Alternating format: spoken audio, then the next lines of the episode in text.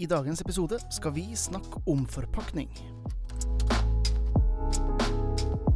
Hallo, ølgærninger, og velkommen til Ølprat, podkasten som leverer entusiasme og ølkunnskap rett i øret ditt. Mitt navn er som alltid Jørn Idar, og i dag har jeg med meg en aldri så liten gjenganger i podkasten nemlig godtrønder Jørgen Hallås Skatland, som igjen er med å diskutere om et tema som vi kanskje ikke tenker så mye på, men som er ganske avgjørende i forhold til hvilke avgjørelser vi tar når det gjelder å kjøpe nye øl, nemlig forpakning. Og jeg tenker at vi gjør det ganske enkelt. Vi tar bare og fyller kaffekoppen, eventuelt glasset, med noe høyt skummende, og lener oss tilbake for denne episoden av Ølprat.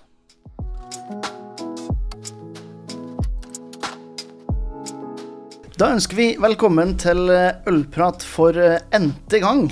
Fra de dype skoger i Trøndelag via både det ene og det andre. Jørgen, velkommen tilbake. Takk. Nå syns jeg det er en stund siden jeg har vært her. altså. Ja, Nå er det en stund siden du har vært her. De som har hørt på podkasten tidligere, vet jo at vi har jo snakka om veldig mye forskjellig opp igjennom. Eh, det er ikke alltid vi finner ut eh, noe svar på det vi har lyst til å diskutere heller. Niks. Eh, og vi får se om vi, vi kommer til Det er ikke noe problemstilling denne gangen, her, men det er en liten diskusjon rundt det her med noe så trivielt, kanskje, som eh, forpakning. Eh, og det her var jo et tema som du hadde litt lyst til å, å ta opp. Um, og da er jo det er bare for meg å sende ballen over til deg. Forpakning, hva du tenker på da? Altså, når jeg går i butikken eller raver rundt på polet og på jakt etter den neste ølen altså, jeg, Selv om jeg er fagutdanna, uh, selv om jeg vet at det er smaken som teller, så påvirkes jeg av hvordan de ser ut. Og hvis jeg sender noen av gårde fra Kan ikke du kjøpe noen øl for meg? Du kan banne på at valget som tas, tas basert på hvordan, om forpakninga ser morsom, lekker, eh, ny ut, eller sånn som det. Så det hvordan en øl er pakka inn, både liksom hvordan flaska ser ut, formen til flaska, etiketten, korka, om den har kork, eller om det bare som det, det, er som, det, er litt, det er en del ting der som er kjempespennende i forhold til forbrukervalg. Og det er også noe som inngår i en slags sånn total estetikk. da, Hvis en tenker på det noe som noe mer enn å slukke tørsten og eventuelt bli um, passelig bedugget en fredagskveld. Så er det liksom ølet som estetisk opplevelse. Da må du faktisk få med deg flasker og det som hører til. da. Så det var utgangspunktet for at nei, men det har vi ikke snakka om før. Har vi det? Nei, det har vi ikke. Nei. Og det, vi, vi har jo vært innom eh, en, en gang eller to tidligere i forhold til eh, hva de forskjellige serveringsmediumene har å si for eh, produktet. Det her med forskjellen på flaske, boks og, og fat f.eks., og hvilken påvirkning eh, miljøet rundt har på, på resultatet som du skal konsumere. Men det er jo det her litt mer det emosjonelle eh, påvirkninga som en, eh, som en eh, flaske kan ha. Har jo ganske mye å si. Og det, det her husker jeg jo det første ja, nå, er det halvtynn is. Eh, men det første norske håndverksbryggeriet som putta øl på boks, er ganske sikker på var Eger. Og hvis ikke det var Eger, så var det Amundsen. Jeg husker i hvert fall at da var det ikke en Da var liksom alle var enige om at nei, det var ikke en veldig god idé. Fordi at tok du bort den premiumfølelsen som eh, ei flaske har. Eh, spor du åtte-ti år fram i tid til i dag, eh, så har de aller, aller fleste eh, med volum har eh, eh, altså boks som sitt hovedserveringsmedium. Um, jeg tror det, altså, det er flere grunner til det, men altså, det er jo enkelt. Ja, Det er jo flere eh, elementer i det. og Jeg husker jo, jeg har også stått bak baren og servert øl. eh, og huska liksom den store dilemmaet vi hadde om skal vi ta inn bokser, skal vi ikke, hva syns de om oss da? De er jo her for å på en måte ha en hyggelig opplevelse. Vi tenkte veldig på opplevelser. Og veldig lenge så var det på en måte hella vi mot flasker pga. opplevelsesaspektet. Eh, og da var det både store og små flasker, og så stort var noe nytt. Og det, det melka vi for det det var verdt, for det var en egen opplevelse. ikke sant? Når det kommer til boks, så er det, liksom, det begynner å dukke opp en god del gode argumenter for det. Ett er jo bærekraftsperspektivet. Eh, og særlig hvis ølen skal fraktes et stykke. Da det handler om vekt. Altså boksene er lettere. Um, det handler om hvor resirkulerbart ting er. Eh, alu- Aluminium kan jo resirkuleres eh, for alltid, så lenge du får samla inn det. Eh, Det handler, liksom, det handler om sånne ting, selvfølgelig. Men så er det, er det liksom Jeg tror at jeg jeg har introdusert her tematikken her pga. Liksom, opplevelsesaspektet. Ja. Og da må vi jo på en måte prøve å male et bilde av en god bokseopplevelse også. vi ikke? Det fins jo gode bokseopplevelser. det gjør du jo absolutt. Jeg, jeg husker jo da jeg gikk WCT-en min på det som var Kulinarisk akademi, da. Um, og da var det han Å, Å, nå sto det helt stille. Uh, han læreren som vi hadde, i hvert fall. Um, han uh, demonstrerte her med skrukork. Det her er jo 15 år siden. Og det, var liksom, det var ikke skrukork. Det var ikke Du, du mista noe av den opplevelsen som du snakker om. da Ja. Uh, Så han sa at alternativ, da, liksom, hvis man må ha en skrukork, så kan man gjøre en eller annen sånn sexy dans eller noe sånt eh, for Nei. å liksom kompensere for den Ja. lyden som, eh, som mangla. Ole Martin Alsen var jo for øvrig Nettopp. nettopp. Ja, bare, det er jo veldig, no, Da snakker vi jo kanskje vin også, ikke sant? Men da er jo på en måte bare tenk deg lyden av en champagnekork. Altså hele, hele på en måte opplevelsen rundt det. Selvfølgelig er det en pragmatikk i det også. Det handler om at uh, emballasjen i champagne skal holde et medium som er eksplosivt. Litt sånne ting som det. Men en skal ikke undervurdere liksom, den kvalitetsfølelse av å åpne. Og jeg tror det på sporene er interessant her nå. For der er det en slags eh, Jeg tror det er et likeverd sånn, sånn i, i, I øret så er det en likeverd mellom det å knekke en boks Den der knekk-lyden. Den er ganske pen. Altså Det å øh, åpne en flaske har også en sånn fiss, ikke sant? Men knekk-lyden er tilfredsstillende. Ja. Og den, altså, hvis du dyrker den som en eh, opplevelsesaspekt, syns jeg, synes jeg bokser har noe for seg. Jeg må, vi må også liksom komme inn på den, altså, Det finnes jo forskjellige måter å åpne den boksen på også. Ja. Og det er jo dem du kan åpne hele toppen på. det syns jeg det har skjedd en vinning. For da, skjer det, da plutselig er emballasjen også et boks du kan drikke av. Og det, det første gangen jeg åpna en sånn boks, da ble jeg veldig glad. Ja. Da hadde jeg det veldig bra. For du, ja, det var, det var kanskje litt mindre sånn knekklyd, men det var mer en sånn mm. sånn, sånn shaving-lyd. Ja. Og så satt du med i handa og tenkte at dette herre, herre funka bra. Altså. Ja. ja, og så Da er vi på en måte på toppen av det hele. ikke sant? Vi begynner, begynner på toppen av flaske eller boksen, ikke sant? og så jobber oss litt nedover her, føler jeg. Um, men, men en av de tingene som jeg, jeg tenker i, altså En ting er når du sitter hjemme, men når du skal ut, da, eh, så er det grovt sett to forskjellige måter du får det servert på. Det er over en bardisk, mm. eller du får det servert ved bordet. Ja. Eh, og for å ta den første først, så er det sånn Der spiller det ikke så veldig stor rolle. Hadde det spilt en veldig stor rolle, altså hvilken eh, opplevelse det ga, så ville det ikke vært en knapp som man trykker på for å få servert en halvliter. Niks. Da hadde det vært sånn som det er i Belgia, sånn som det er i Tyskland, sånn som det er i, i Tsjekkia, der det er liksom en, et helt serveringsritual. Men vi nordmenn vi, er litt, vi, vi foretrekker det litt effektivt. Ja. Rast, raskt og rett. Så da, er det jo, da sitter vi igjen med, med når du får bordservering. Og her tenker jo sånne ting som Ja, hvis du har en, en eh, champagnekork på da, med gitre og det hele tatt, en eh, lambic eller gøs eller eh, hva det måtte være eh, Hele det serveringsritualet med at først ta av gitteret, forsiktig lirke av eh, eh, korken. Altså hele det, det, bygger en sånn spenning og et, et ritual, en opplevelse, som er mer enn bare sånn Ja. Og så er du i gang, liksom. Ja, og Da snakker vi om totalopplevelse av, måte, av, av drikken. da. Um, jeg synes Det er litt interessant at du liksom toucha borti belgisk-tysk ølkultur. Uh, for Hvis en skal snakke emballasje, uh, måten en drikker det på, der er det jo på en måte opplevelser når du setter deg ned i en, noe som ser litt ut som en litt støvet, støvete bar i, i Belgia. Så bestiller du, du går gjennom kartet, de har masse interessant. Du stopper selvfølgelig på den. Den vil jeg ha. Og da kommer brikken på bordet. Altså brikken som er karakteristisk for, eh, for, den, for det bryggeriet. Og så kommer et spesifikt glass for det bryggeriet, eller en goblet. Og så får du hellinga, og hellinga kan da enten være eh, altså helling og flaske på bordet, eller helling sånn så skummet blir akkurat tilmålt sånn som skal serveres. Så det, det er liksom um, På ei side så er det masse branding det. Ja. Altså, og det, det er jo også en verdi for en del av dem eh, lytterne våre her, tror jeg. Altså, det handler om hvordan du bygger et brand. Og jeg tror at det er veldig mye vanskeligere å bygge et brand i Norge. Ja. Eh, nettopp fordi at du mangler en del av det du kan gjøre med emballasjen. Synligheten i det, glassene, altså hele den både kulturen og kanskje de juridiske forutsetningene for å gjøre det. Men, men liksom, det at en selger en totalpakke, eh, uavhengig om en skal selge på Rema 1000, eller om en skal bare selge på en måte til eksklusive utsalgssteder, bestemte liksom kredbarer, det tror jeg er ganske viktig å tenke på. Um, og det er jo forskjellig grad av sofistikasjon vi har. Vi, vi velger alle våre luksuser. Men hvis du virkelig liksom, hvis øl er luksus for deg, at det er liksom det, det er litt- av greia di, da vil du etter hvert uh, utvikle en sans for de her små tingene. Mm. Uh, og du vil jo etter hvert uh, reise på en øltur. Og da, om du da ikke brydde deg om det før du var på tur, så kommer du veldig ofte tilbake med en slags forventning om at er ikke jeg i Belgia lenger? Det er jo litt kjedelig. Det skal ikke være bedre enn det her. Det er det som Det er veldig, veldig sånn sterke opplevelser jeg har, i hvert fall. Mm.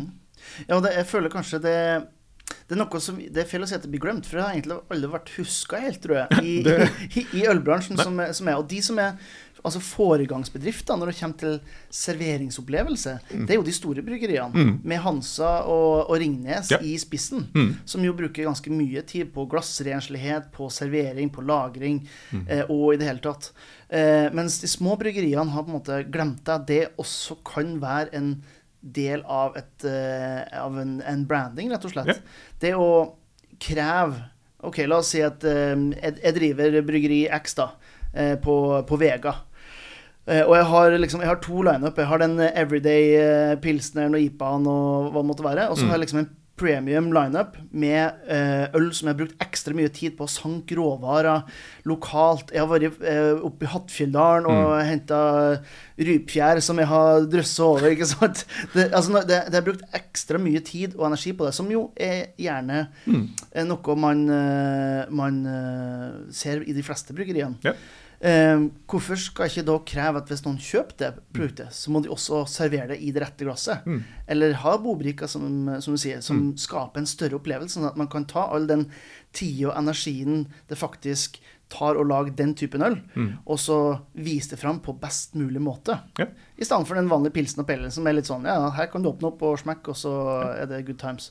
Det er litt forskjell i nytelsesopplevelse. Ja, jeg tror det jeg tror det er rom for et større spenn der. Um, for du, du, Nå toucha du borti ting som er veldig godt forstått liksom, i premiumvin, men, men det er også en noen premium på en måte premium bryggeri, om du har lov til å kalle det Jeg vet ikke om det er lov å si, men, men uansett har forstått da, altså det at toppølen din eller toppkuveen din den kan du ta litt ekstra omsorg rundt. ikke sant? Du har en trekasse til den, du har hele den opplevelsen der.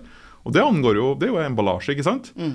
Um, her blir jo kanskje først og fremst det, det, blir jo litt sånn jål å gjøre det på et utested veldig ofte. Og så ta den ut av trekassen og alt det der. Det, det går en sånn hårfin grense for når det blir pretensiøst. da. Mm. Men eh, du verden, det har jo vært uh, Det av og til jeg kommer hjem fra, fra Vinmonopolet med en øl som har en boks, eller ja. den typen ting. Altså Nøgne Ø var jo inn, inn, på sånne ting. Ja, ja, ja. ja både med Dark Horizon og Red Horizon og Nordic Noir. og... Ja. Uh, et, et, litt nyligere eksempel er sånn som Drumbrew med den eh, Imperial Ghosten, der, som jo kom uh, i en treeske med en ølåpner. Mm. For øvrig ulovlig, men det sier vi ikke så høyt. Nei, nei, nei. men ikke sant, det skaper jo en forventning til ja. produktet. Ja. Og jeg tror jo det reflekterer mer den feelingen et såpass dyrt øl bør ha. Mm. At det ikke er liksom bare Altså, det fins jo du, du er ikke noe problem med å få tak i en øl til 200-300 kroner på, på Vinmonopolet. Eh, men jeg tør å påstå at det er veldig få av dem som føles ut som er verdt 200-300 kroner. Her er jo interessant, fordi at eh, det handler jo også om du sa et stikkord der, forventning. Mm. Og i øyeblikket du begynner å pakke inn ølet sånn, så skal du som har produsert det, være sikker på at det faktisk svarer til forventninga. Ellers er det litt sånn Du har bygd opp forventninger, og så er det bare blæ rett i bunnen. Mm. Det vil jo undergrave eh, altså, hva skal jeg si, håndverket ditt. Mm. For da er det jo håndverket som svikter, ikke presentasjonsformen. Mm. Så der tror jeg det også kanskje, kanskje handler litt om sjøltillit også. Ja. Jeg, jeg, er veldig åpen for at det er lov å tenke altså, så, nei, men vi er et streit øl, vi har en streit presentasjon. Liksom, men, men, da er det brandet ditt. Mm. Og da er minimalisme på et eller annet vis brandet ditt. Ja. Og det finnes jo gode eksempler på folk som har gjort det. Ja. Eh, det, er veldig, det, er enda vanskeligere å gjøre minimalisme bra, det skal sies. Men, men, det er sånn La oss, la oss tentativt da, foreslå at det kanskje handler om sjøltillit også. Mm. Det å våge å ta plass med emballasjen sin. Ja. Da, det er et løfte i det, ikke sant? Mm. Og det er ikke bare, ja, og det er ikke bare pickhocking, du må følge opp. Ja. For hvis smaken er liksom flau etterpå, så har du jo gjort deg sjøl ei skikkelig bjørnetjeneste. Kan du selge det første partiet ditt med det neste gang du, du slår på stortromma, så tenker folk nei, den ser bra ut, men den var dårlig. Ja. Så der er det, er noe interessant, da. Mm. Um, men da kan du si at du jobber jo med design. Mm. Vi har ikke snakka om sånn som etikett, f.eks. Mm. Og jeg føler jo at hvis man ser på Vinmonopolet eller Gulating eller meny i dag, så er det på en måte Det er tredelt. I form av det grafiske uttrykket. Ja. Så det ene er storindustri. Det, er- det er halvmaksimalistisk. Eh, veldig cleant, gjennomtenkt. Fargene stemmer, og alt det liksom Det Det er det er avstemt veldig ofte. Ja. Ja. Ehm, og så har du de som ser litt hjemmelaga ut. Mm. eh, der fargekoordinasjon ikke er helt bra, og det er liksom tre forskjellige fonter på etiketten, og det er litt sånn eh, Det er et eller annet. Eh, og så- ja, jeg vil legge til en fjerde, da, etter hvert. Eh, og så er det de som er, som er maksimalister, sånn tegneserie. Skrike farge og uttrykk og følelser og en halvkaos. Og så er det de som er forholdsvis eh, clean. Eh, tenk, men allikevel har litt eh, craft-feeling i seg. da Tenker sånn type Nøgnø eller eh, Æger eller disse her. Det, sånn, sånn ser de, de fire som er. Jeg vet ikke, Hvordan observerer du Jeg får, jeg får veldig lyst til å hoppe på med en, med en kategorisering sånn, en, for å supplere litt det du ser der. Altså, litt av det du nevnte først, er jo på en måte at store, veletablerte bryggeri, og det gjelder ikke bare på en måte de store industrielle, men også de største håndverksbryggeriene, de har som regel en slags form for brand eller grafisk profil. Og da er det lettere å se at det er en slags sånn sammenheng eller kontinuitet i, i etikettene. Altså Enten om det er en fargepalett, om det er logoer, om det er fonten. Det, det, de har på en måte kontroll på en del. Og så er jeg helt enig i at at det er på en måte en slags sånn amatørliga også. Der folk som kanskje gir ut den første ølen sin, eller, eller bare tenker at det er ølen som gjelder, det er ikke etiketten. Da kan det være litt sånn dårlig fargebruk, lite gjennomtenkt forhold mellom flaske og, og på en måte etikett. Det kan være litt sånn typografi som er all over the place. Og det er på en måte, det er amatørligaen. Og den, den er ute der. Den kan Ja, ja. du finne på polet i, i morgen. Og du kan også finne den på Rema, faktisk. Um, men så er det, er det en sånn veldig interessant kategori. Det er der at det er, etiketten blir ansett som noe kunstnerisk. Og det skjer i craft. At f.eks. at du, um, du liksom Du har en partner eller en kompis som er billedkunstner eller grafiker, som har fått oppdraget, og så er det faktisk en unik på en måte greie. Det at uh, du har en serie som er på en måte er håndtegna i utgangspunktet, og så er det liksom, blir det som en, sånn, som en trykkserie. da. Ja. Uh, og og det er liksom, Der er det et veldig morsomt samspill som ikke har noe med liksom, Big Brewery-verden å gjøre. Eh, det gjøres jo f.eks.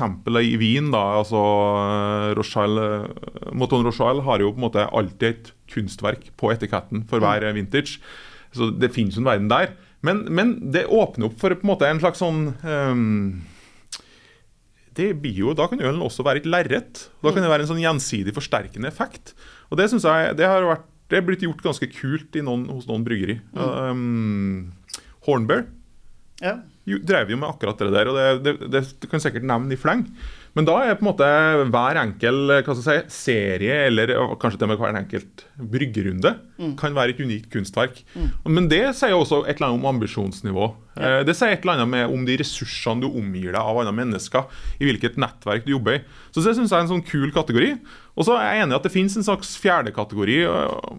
Også, jeg vet ikke om jeg vil klassifisere den på samme måte som det, men det er dem som på en måte har knekt det og fått sin egen brand. Eh, selv om det, er- de er ikke så gjennomført som eh, Big Breweries, men de har liksom eh, funnet sin profil og er fornøyd med det.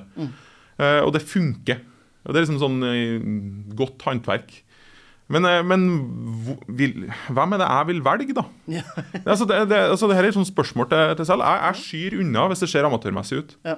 Det, det må jeg innrømme. Altså, det, da går jeg helt sikkert glipp av noe, men det er noe dere som lager dem, bør tenke på. Ja. Og det er ikke for at jeg, jeg er over gjennomsnittlig jålete, det er jeg. Men, men jeg, jeg mener at det, det, den brukeropplevelsen der er faktisk ganske viktig. Og hvis du ikke har gjort det før, så bør du, før du bestemmer deg for hvilken flaske du tapper det på, annet enn i prøvebatchen, selvfølgelig, og alt fra typografi til alt det der, alt som ikke er lovpålagt, du bør, bør sette deg ned og spørre tenke OK, hvordan møter eh, brukeren min denne her? På hvilket grunnlag tar han det valget? Kanskje må du forestille deg brukerens dag. Og at brukeren svinger innom Vinmonopolet for å plukke opp noe. Hva er det som avgjør der? Der er det mye å hente. altså. Og selvfølgelig det er masse blåruss som har gjort masse studier av hvordan du får forbrukere til å manipulere forbrukere til å ta de valgene. Selvfølgelig, I norsk alkoholreklame forbyr ganske mye av det snusket her. Men prøv å forestille deg hvor får brukeren tak i, og hvorfor tar brukeren det valget. Dere vil jo selvfølgelig at de skal kjenne til dere, altså dere spesifikt, deres bryggeri, hvorfor dere er bra. Men jeg tror liksom hvis en ønsker liksom å være litt sånn seriøs, og både kunne bygge en egen business, om det er en hobby eller om det er på en måte noe som faktisk skal, ha en, skal, skal leve av. Så må du tenke på tingene der. Mm. Og da, da, må du tenke at du ikke bare designer etiketten, men du designer også kundeopplevelsen. Mm. Du designer valget til kunden. Og hvor man legger seg hen i Ja. forhold til hvordan Er stemningsnivå er det et kunstverk? Mm. Er du et svært bryggeri som har en markedsføringsavdeling? Eller er du på en måte mm, Er du steike amatør? Ja. Altså da, og da, hvis du da, etter den samtalen her står det at Nei, fankeren, vi er steike amatører, vi. Det er garantert noen rundt deg som har, eh, har litt skills. Ja. Det er masse flinke grafikere der som ikke har jobb. ja. Eller som jobber frilans, som ville ha elska det oppdraget. Mm. Ja. Ta Se dere rundt, da. Ikke prøv å fikse det sjøl. vil jeg si. For hvis du er god til å brygge, så er det ikke noe garanti for at du er god til å uh, lage etiketter. Og det gjelder jo også fetteren Mm. til dem som driver det her bryggeriet. Altså Med mindre han er utdanna innen, innen grafisk design, Mm. eh, så bare for at man har eh, holdt på litt i Canva, betyr ikke at man nødvendigvis vet hvordan en etikett skal se ut. Niks. Hilsen storbruker av, av Canva. Men, men jeg syns det er litt interessant, der, for det, det føler jeg også er noe som, som man gjør for lite. Altså En ting er eh, hva er det, hva er det kunden, kunden min har lyst på, men det er også å se kunden min. Hva annet kjøper han? Mm. De produktene jeg lager, hvem anser jeg som de mest naturlige konkurrentene? Mm. Eh, og så kan man jo være litt frekk, og det har jeg gjort eh, før. At jeg har gått på et vinmonopol, og så har jeg tatt det produktet jeg har lyst til å se sammen med andre. Så har jeg bare tatt de andre produktene som er i samme kategori, så har jeg bare satt dem på sida av hverandre.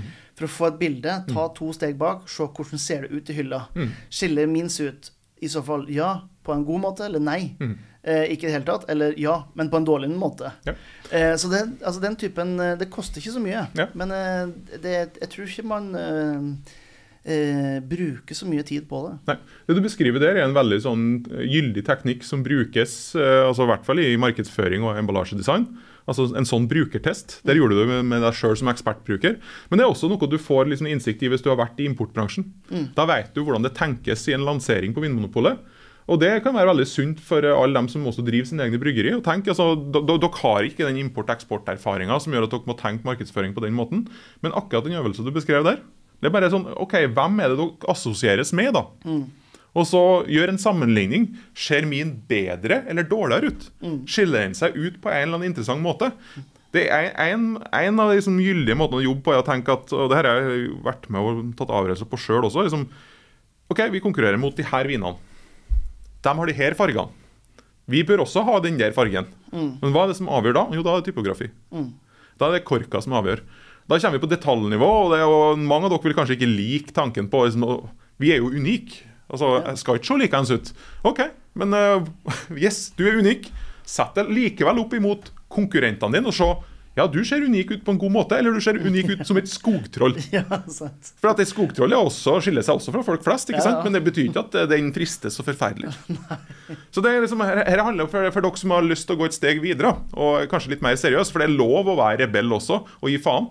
Eh, og det håper jeg vises på eh, etikettene deres. Men altså, jeg ser forskjell på rebell og sloppy.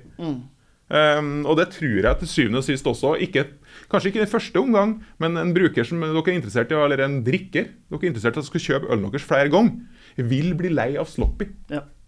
Men uh, hvis en kjøper et produkt for at det ser litt sånn rebelsk og røft og tøft ut, da tror jeg den, det, det, det vil brukeren etter hvert bli bevisst. Og, og så vil det kunne, kanskje bli et argument for å velge, velge da. Ja. Jeg tror det. Ja, jeg tror eh, utfordringa i 2023 er at det er ikke 2013. I 2013 så kunne du nesten gjøre hva som helst. Mm. Eh, det er jo bare å se på bryggerier som eh, The Colonel, f.eks. Eh, Startet jo de dog i 2008, da, med en annen historie. Eh, eller eh, Brovær i Demolen.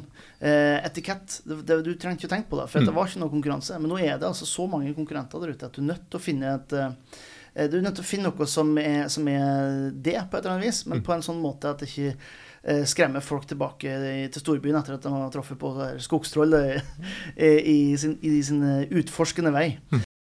Dagens episode er sponsa av mine herlige og lojale patrions, som eh, får servert alle de her podkastene tidligere enn alle andre, og en eksklusiv podkastepisode som takk for støtten. Så hvis du har lyst til å gjøre det samme, så kan jeg anbefale å gå inn på patreon.com slash Ollprat. Der får du eh, som sagt alt det jeg nevnte nå, pluss det som har vært publisert tidligere. Og hvis du ikke husker URL-en, så kan du gå i shownotesen. Der finner du altså linken direkte til Patrion, der du kan støtte podkasten. Nå er det på tide å gå tilbake til ølpraten. Men, men en ting som er det, er garantert ikke det du tenkte på vi skulle snakke om nå, men jeg, jeg, jeg, jeg tar oss inn der likevel. Denne typen sånn tegneserie eh, måte å uttrykke seg på. Mm. Eh, den er jo eh, For det første syns den er veldig lik, som oftest. Og det mm. har jo noe med det, det, du sa, med at man kommer, det reflekterer hvilket miljø man er i. Mm. Og veldig mange eh, håndverksbyggerier er jo starta mye av i de samme type miljøene med samme folkene rundt seg, i hvert fall. Ja. Som, som, oftest. Eh, for å generalisere alle, da. Eh, men så er det, det er noe skapende, det er noe kreativt, det er noe mm. eh, Det er noen, den trang der til å skape noe. Derfor så får man ofte mye av den samme litt sånn eh, punk-tegneserie-feelingen yeah. på tingene. Men er det ikke en risiko for at denne typen ting, da Hvis, uh, hvis uh, Maximilian på seks år kommer i kjøleskapet, og så åpner opp, og så ser han en, en tegning på en boks, at ikke han òg kan finne på uh, å ta den? Er det, er, kan det være negativ med den typen grafisk uttrykk på en forpakning? Det er jo et veldig nyansert spørsmål, så hvis jeg svarer ja til det, så um, tror jeg det forvrenger hele diskusjonen vår. eh, vi vet jo fra andre land at det, har, at det har vært storprodusenter av alkohol som har retta seg inn mot ungdomspublikum. Mm. Vi vet jo at det, altså det, er en del sånn eh, markedsføringsmetoder som opererer i, på en måte, i, i gråsona. Mm. Det funker, så det er, det er, noe man må være klar over, ja. Mm. Hvis du lager et produkt og pakke det inn på en måte så at det er fristende for barn, så kan du banne på at barn kommer til å kjøpe det. Mm. Eller de kommer til å få noen til å kjøpe for seg. altså Hvis vi snakker på altså, folk som går på videregående og den typen ting. Ja. Så det, det, er jo et, definitivt en fare. Det er kanskje litt der man er med Ås energiøl òg, kanskje? Det, det, energidrikk, storkonsum, og det er jo ungdom. Ja. Det, er litt sånn, det er sånn sketchy landskap der, så det, det, må du på en måte passe på ditt eget moralske eh, kompass, og du bør eh, kanskje gjøre noen brukertester. Mm. Og hvis du gjør en brukertest med naboene dine, og de sier at nei, men, ja, den er jo kjempemorsom, du liker den, og så kommer nabogutten og sier nei, men kan jeg få? Mm. Ok, ok, da kanskje du skal justere. For det er en fare, men jeg vanligvis så tegneserie er ikke noe som er forbeholdt barn. Nei. Det er en universell måte å kommunisere på. Eh, det er jo litt interessant det at vi på en måte, vi vokste opp med Donald Duck og den typen ting, og tenker at tegneserie var noe det var for barn. Mm. Men hvis du kikker ut på europeisk kultur, da, og også etter hvert også amerikansk så Marvel, DC Comics, det er ikke ment for, eh, for barn. Nei. Det er ment for ungdom, og til og med ungdom i alle aldre. Ja. Så, så, sånn sett, sånn, Når det gjelder, gjelder, grafiske språk, så er bare tegneserie en av mange mulige måte, grafiske språk. da. Mm. Men um, ja, du, du løfta jo et interessant dilemma der. Ja. Uh, og det er liksom Senest i går så drakk jeg jo Radler. Mm. Munkholm-Radler. Det var barn i samme rommet som drakk det. Mm. Som tenkte at nå skal vi ha Radler. Liksom, fordi at jeg har den bakgrunnen jeg har, da, så, så var det litt sånn sketsjy for meg. Ja. Men dette var familie, et familieselskap, og alt var god stemning. Og det, det, nok, det var nok et høyt, altså høyt presisjonsnivå i at, valg at de skulle lære om Radler som alkoholfritt. Ja. Uh, så jeg tror ikke det var noe fare. Men, men, det er noen sånne, særlig i møte med f.eks. søte ting, brus, surøl, mm. den typen ting som veldig fort glir over i paletten, da, som, som passer barn. Ja. Der skal man være bevisst akkurat dette her. Altså. Og det, her er jo på en måte, Da er vi på etikettnivå. Ja. Da er vi jo på utforming. ikke sant? Hvis du lager en øl som ser ut som en tåteflaske, skal du være ganske sikker på at uh, Vinmonopolet ikke ligger vegg i vegg med, med Lego-butikken. Altså. Ja, stemmer. Nei, altså, diskusjonen er ikke så eh, potent i, i Norge ennå, men, men ser sånn som i USA, så uh, det er jo en, eh, De store merkevarene eh, vil jo diversify. De vil jo ha mest mulig fingre i flest uh, mulig gryter. Så du har jo sånn som Cola, f.eks., mm. som jo er alkoholfritt, mm. selvfølgelig. men de lager jo også en, en rom og cola mm. sammen med et ganske stort romprodusent. Men der har de valgt å holde produktet sitt utafor. Mm. Eh, så det er ikke noen merkevare som er lett Nei. å kjenne igjen. I noen tilfeller så ser du jo sånn som Monster, f.eks. Mm. Eh, energidrikken. De ja. har jo kjøpt um, Canarchy i 2021. 22, som jo er eh, sju bryggerier mm. som de nå eier. Eh, og har gjort en del sånne her um, hard seltzers, blant annet. Ja.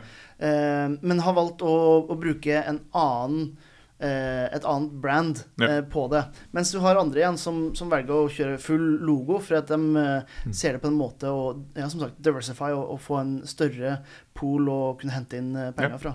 Så det er jo, eh, det er jo også noe hvordan forventning en sånn type forpakning kan gi også for eh, Ja. Konsumenten. Men jeg, men jeg tror at de som er i faresonen, er nok de aller største, tyngste aktørene som er på jakt etter å utvide på en måte mm, kunde, altså kundegrunnlaget sitt og den type ting. Mm. Jeg tror ikke det er noe spesielt sterk eh, link mellom norsk craft og, og, og, så, og alkoholforbruk blant eh, barn og ungdom. Nei. Jeg, Nei, det tror ikke jeg, jeg. tror ikke det. Jeg tror, jeg tror um, Jeg bare tenker det er litt greit å være bevisst for det. Det Ja. finnes jo norske bryggerier som i dag Altså håndverksbryggerier som produserer eh, brus også, Ja. og blandevann og i Mm. hele tatt. Eh, og i noen tilfeller så ser de jo ganske like ut. Ja. eh, I, eh, i forpakninga. Tror jeg nok har litt med økonomi å gjøre, for at det er enklere å bare mm. switch rundt. Istedenfor å ha bryggeri, så kan du ha bruseri eller et annet. ikke sant? Yep. Men uh, det er jo en fare som ligger der, tenker jeg, hvis yep. man ikke er forsiktig og bevisst på ting. Ja, en skal bare bevisst det, for at uh, altså, det å, visuell kommunikasjon er på en måte den har, den, den har også en etikk knytta til seg, for den er veldig effektiv. eh, og det finnes veldig mange triks du kan bruke. Altså Du kan aktivere ganske mange impulser i mennesket når du på en måte virkelig begynner å tenke den brukerreisa. da. Tenk den på en måte assosiasjons bakgrunn du egentlig jobber opp imot. Eh, så jeg syns det var liksom, ja, fint at du tok det opp. Ja. Det, det, var, det var liksom verdt å ta den diskusjonen også. Og du, som du sier, det er jo mange av bryggeriene som produserer brus. Og da har du allerede laga linken. Og så har vi diskutert narkotika og så er det på en måte gateway drug. Hva er gateway drugen til, til, til øl? Jo, det er brus. Og kanskje er radleren akkurat den broa du trenger. Ja. For en hardt, hardt liv i ølens uh, Nei. Ja. Eh, det var ikke det som var meninga å snakke om, men det er jo morsomt at vi kom dit. Ja, det, det, jeg synes det er interessant, hvert når det har med forpakning å, å, å gjøre. For Mm. jeg ser noen ganske jeg ser noen klare eksempler på hvor likt det ene er i forhold til det andre. Og jeg kan nok skjønne hvorfor, hvis du har et bryggeri som har Tintin, f.eks., en veldig lignende figur på etiketten sin. Hvordan et, eh, et barn som kanskje har sett Tintin på Mm. Netflix, mm. da bare Å, oh, det må jo være noe som jeg kan ha for at det er Tintin på. Og så Ja. Så eh, jeg tror ikke det er et stort problem. Jeg bare tenker det er Ja. greit for oss som er litt uh, i det her miljøet, å være litt uh, bevisst på det. Selvfølgelig de millioner av lytterne som er så interessert i, i det her, at de orker å høre på podkasten. At de òg har det litt med seg. Og, og jeg tror også dette er et ølspesifikt problem. Mm. Altså, Ja, du nevnte hard seltzers og seltzers og det, men i vinens verden så Emballasjedesign på vin er på en måte har en lang tradisjon og er veldig veletablert. Og de, de splitter seg i flere kategorier, men det er liksom eh, Minimalismen er mye bedre etablert der. Du har også de, de klassiske ting som eh, assosieres til på en måte gamle merkevarer og kvalitetskontroll, den type ting. Mm. Størrelser på flasker. Størrelser på flasker, litt sånn. etablert. Og, Ja. Uh, mens i ølens verden så er du liksom Du, du er fri til å gjøre mye mer. Mm. Uh, og du er fri til å appellere til folks måte, fritidsinteresser. Og, du, og det er liksom litt, sånn, litt mer hobbystemning. Mm -hmm. uh, det ikke, og det, det åpner opp for en del av de tingene vi snakker om nå. Um, du ser jo kanskje på altså, det som handler om naturvin, da, så er det, der, det kommer vi nærmere ølen igjen. Mm. For der er, har etikettdesign vært veldig sånn, kanskje litt mer tegneserieaktig. Ja. Kanskje litt mer naiv, altså, naiv kunst. altså En del sånne ting som signaliserer at dette er noe annet Ja. enn det klassiske, det måte tradisjonelle. I, men i ølens verden da, så er på en måte det tradisjonelle um, ja, Det er jo de klassiske på måte, belgiske, tyske, eh, engelske bryggeriene som har sitt formspråk. Og så har du på en måte store bryggeriene som har sin gjennomdesigna eh, greie. Og så er det siste spørsmålet altså, Hva med craft, da? Mm. Hva, hva, er, hva er, har det Nei, der er det, er det fritt fram, altså. Mm. Og da, da oppstår de, på en måte, de små grensesnittene her, da. Mm. Som ikke er et problem for vin. Jeg tror ikke, det er så, Tror, tror ikke jeg tror ikke du lokker poden til å drikke vin fra rett fra flaska. Altså. Nei, jeg tror i hvert fall ikke poden greier å misforstå det for noe annet. Nei. Det, det tror jeg ikke. Nei, størrelser gjør også ikke det. Ja. Og det er litt den feelingen også. Da er vi jo egentlig tilbake på helheten. Ja. Ikke sant? Det, altså, en, eh, hvis du ser bort fra det som det selges mest av i Norge, da, som er bag-in-box, Yep. eh, så, er- så har jo vin som oftest en premium feeling til seg. Yep. Stor kork, eh, stor flaske, gjerne med naturkork. ikke sant? Det er, det er mere Mm. eh, det. Koster jo mer også, for at det er alkoholavgifter osv. osv. Og så videre. Eh, så du får en helt annen Jeg skal ikke si at, at vin alltid har en premium feeling, Nei. fordi at du har bag-in-box som er over 50 av Absolutt. Og du har jo også Livfra og Milch, og du har hele den, den historien der. Ja, ja. Men, eh, men eh, en av de tingene som jeg har snakka litt med utenlandske bryggerier, spesifikt eh, Belgia og i Italia, Mm. i forhold til hvorfor dem, altså hva er deres teori til at eh, når det kommer til Norden, da, f.eks., hvorfor det konsumeres mer vin til mat enn øl til mat, Mm. eh, er fordi at eh, det, er, det føles mer altså Det føles mer premium, mer Mm. ordentlig, mer sånn sofistikert og kulturelt Ja. å ta en flaske med vin enn, en, en, bare en øl. Ja.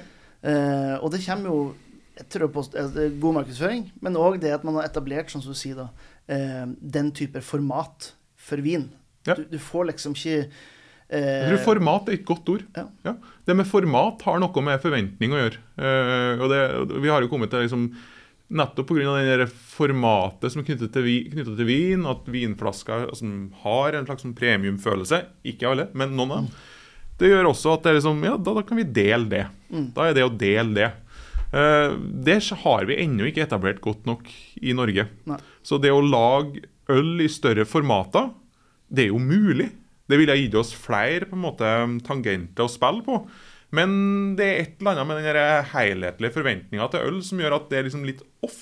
Mm. Det er jo bryggeri som gjør det. Eh, Ikke bare i, i, liksom, i 0,75, men også hele veien opp i dobbel, trippel magnum. Mm. Altså, det gjøres jo.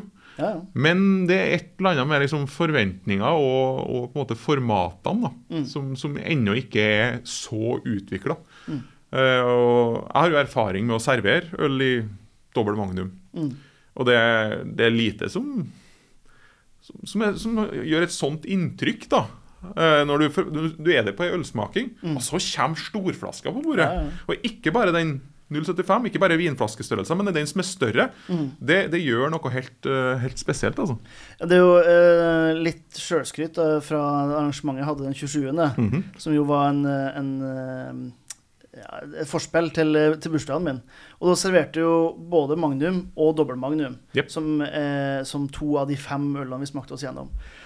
Og alle var jo rett bort og tok bilde av de store flaskene. Mm. Eh, og jeg elsker jo, hvis jeg har et arrangement, og spesielt hvis det er eh, middager, å ha Magnum eller dobbel Magnum som en del ut av det. Jeg har hatt seks liter, og det er nesten litt vulgært. Mm. Eh, men, men da har du liksom Da har du en unnskyldning til å gå rundt og så vise fram, i hvert fall til bordene. Altså, vi, skal, vi skal smake på den her og fortelle om ølen, og du får en helt annen Jeg merker du får en helt annen respondanse og fokus Ja. når du får en, eh, en, en sånn eh, øl servert. Selv om Altså, det er jo ikke det samme som i en liten 33 centiliter, men du får en helt annen feeling. Det vekker noe inne. Ja. Og så har du satt en helt annen ramme rundt det. Det er ikke meg og flaska mi. Alle har ikke fått si flaske og kan styre sin egen helling. Nei, da, da er det gitt at det er noen som går rundt og serverer. Mm. Eller at det å strekke seg til flaska, det, da vil du også kunne servere flere. Ja. Altså det, det er et eller annet med den settinga som er veldig annerledes på det. Mm. Så da ble jeg veldig litt sånn nysgjerrig. Er det noen norske håndverksbryggeri som jobber med store formater? Kinn eh, har jo har i hvert fall gjort det. Jeg tror de gjør det enda. De har jo annet Solsnu. Mm. eh, par av juleølene sine på storflaska. Mm. Hvor stor da? Eh, det vet jeg det har vært Magnum. Ja. Eh, For det har jeg hatt i kjelleren for en stund siden. Yep. Eh, men det er en stund, stund siden sist. Eh, ellers så er det liksom 75, Mm. så det er et par. Men det er òg færre og færre. Du har jo selvfølgelig Kinn, nevnte jo da. Ja, ja. Eh, Monkerbrew et eksempel. Lindheim har også. Mm. Um, men ellers så er det lite. Mm. Og jeg tror det er litt for at det er Jeg er nesten helt sikker på at det er ingen norske bryggerier som lager ølene sine. Og jeg kan ikke skjønne hvorfor at de ikke gjør det. Nei, det, Altså, det, det er du også inne på noe der. For, fordi at, eh, og da, og jeg, start, jeg starta egentlig med slutten. Fordi at eh, hvis du da putter det her i magnumflaske, så må du ha en egen tappemaskin. Du må ha en egen Mehin, som er kanskje det billigste alternativet. Yep. Da har du liksom 40 000 da. Kan kjøpe brukt for 20, kanskje. Eh, men da må du liksom Du må ha x antall liter gjennom det for at det hele tatt skal være verdt å starte opp. Og det er ekstra Det er pain in ass og tjo og hei. Mm. Og hvem er det som har lyst til å kjøpe liksom halvannen liter med eh, dobbeltbukk? Eh, det har de antagelig ikke kunder til. Nei. Eh, så tenkte jeg, men da er det ikke noe vits å gjøre det, for vi har ikke kundene til det likevel. Mm. Istedenfor å tenke på ja, men da kan man kjøre gjennom det, Mm. ta en halv batch eh, på det, ha 500 liter med, med Magnum stående, eh, av en øl som kan lagres. Ja. Putt årstallet på det, ski det på med, med hånd om så er. Mm. Eh, og så er det spesialgreier. Ja. Jeg har jo begynt med, med egen import. Først, ja, andre spurt etter har spurt om prislist, da. Mm. Eh, Når jeg ser at det ikke står om det er Magnum, det å spørre har dere Magnumflasker. Mm. Hvorfor da? For jeg skal bruke det i spesielle anledninger. Ja. Jeg kommer ikke til å putte det på Vinmonopol eller selge det vanlig. Jeg skal gjøre det når jeg har en arrangement eller en festival eller en Mm. middag. Fordi at det, det er liksom Det er litt det, det er kult. Og det, der, der er også bare det å ha det formatet tilgjengelig Nå har du beskrevet alt det som er slitsomt med det. Men bare det å ha det formatet tilgjengelig eh, vil bli en del av merkevaren din. Eh, altså den, Det ølet En av de ølene som kan hentes fram når det er en spesiell anledning. Som kanskje da er naturlig linka til en matanledning eller en, den typen ting. da. Eh, Det er jo litt kult. og det er i hvert fall Hvis jeg skulle ha starta bryggeri i morgen så det handler, jo, det handler jo også om bakgrunnen min, at jeg er interessert i både vin og øl, og, og kanskje særlig, særlig brytningspunktet mellom dem. Men, men det, altså, det å ha flere måte tangenter å, å spille på, det, den på en måte forventningsbildet du bygger rundt deg sjøl når du sier at nei, men vi har Magnum. Mm. Da, da vet du at du ikke bare tuller. Ja. Eh, For det vil, det vil ikke holde lenge. For det første så har du gjort en investering i alt det rotet du beskrev der. Ja. Men også det at altså, den magnumen eh, den, eh, den bygger opp forventningsbildet. Da er vi tilbake dit. ikke sant? Mm. Du trenger ikke å ha trekassen rundt det. Men det faktum at du har, har magnumflasker, at det kanskje står en vintage, eh, et vintage-årstall på det, Mm. det har, eh, liksom, da er du uppa game. Liksom- Da har du eh, sagt at vi er, vi, vi er langsiktig, vi har eh, ambisjoner, vi er passet til store anledninger. Ja, vi er seriøse. Vi er seriøse, og mm, all honnør til dem som gjør det, og dem, bare dem jeg ikke vet om, gjør det i det ganske land også. Det kan godt hende at det finnes noen ambisiøse hjemmebryggere her som sitter med mange vintager bakover, for de har liksom drukket vin og så samla flasker. Mm. Men, men der er det et eller annet som eh, kanskje er viktig, og kanskje er det nettopp eh, der emballasjesida virker tilbake på produ, produksjonsformen også. Altså sånn at Det handler ikke bare om den siste etappen, og sånn framstiller vi ølen vår. Nei. At valg av emballasje forteller noe om prosessen vår, om ambisjonsnivået, om hvilket nivå vi ønsker både å prise oss og assosiere oss med. Og jeg tror at litt av kanskje kampen i det å gjøre øl, norsk øl, like velkommen rundt matbordet som vin, ligger kanskje der. Ja. Særlig hvis svaret skal komme også fra norske mikrobryggeri. mikrobryggerier. da. At det, det, er et eller annet med å sette en, sette en, i hvert fall en sånn Det trenger ikke å være alle. Jeg, ikk- vær så snill, ikke 160 Magnum-bryggeri nå. Men det at det er la oss si 10-20 norske bryggeri som faktisk leverer øl i store formater, mm. det ville ha gjort masse for at eh, hva skal jeg si, de, den voksne mengden Michelin-stjernerestauranter i Norge ville ha tatt inn øl og hatt det på menyene. For det, ja, det vet jeg noen som gjør det, men ikke alle. Nei. Og det handler litt om de tingene her. Altså, Hvis somleren skal skjenke ølen, så vil han antageligvis ikke ha krekling på boksen. Nei. Han vil antageligvis eh, mye heller ha en magnumflaske. Mm. Ja. Og det, det er jo som sånn, det høres logisk ut når du sier det nå, men det å bake det inn i konseptet sitt og la det påvirke hvordan en produserer, Mm. det, tror jeg, det tror jeg er et potensial. Ja. ja, det tror jeg òg. Jeg kan jo eh, eh, mot slutten her eh, For jeg følte egentlig vi kom egentlig fin, fin sirkel. Det, altså, det her med forpakning handler om å skape en opplevelse. Og, og ja, egentlig sette stemninga før vedkommende har eh, i det hele tatt smakt på produktet. Mm. Eh, har du en eh, litt sånn der amatørsammensett eh, etikett, så forventer du da resultatet når du tar det opp òg. Mm. Tar du en trekasse med en, en stor, fin flaske inni, så forventer du at det skal smake eh, ganske premium også. Mm. Eh, men det kan er dere som hører på, en liten oppfordring. Eh, se bort fra dere som er mest sånn hardcore untapped eh, fans, for jeg vet at dere, kommer, dere vil ha mest mulig, og det er fair enough. Men for de av dere som er litt over gjennomsnittet interessert, neste gang dere skal på besøk til noen, ta oss gjør en liten innsats. Gå på Vinmonopolet, finn dere 75 centiliters eh, flasker, kanskje en eh, Magnum på, på 1,5 liter, og så ta med det.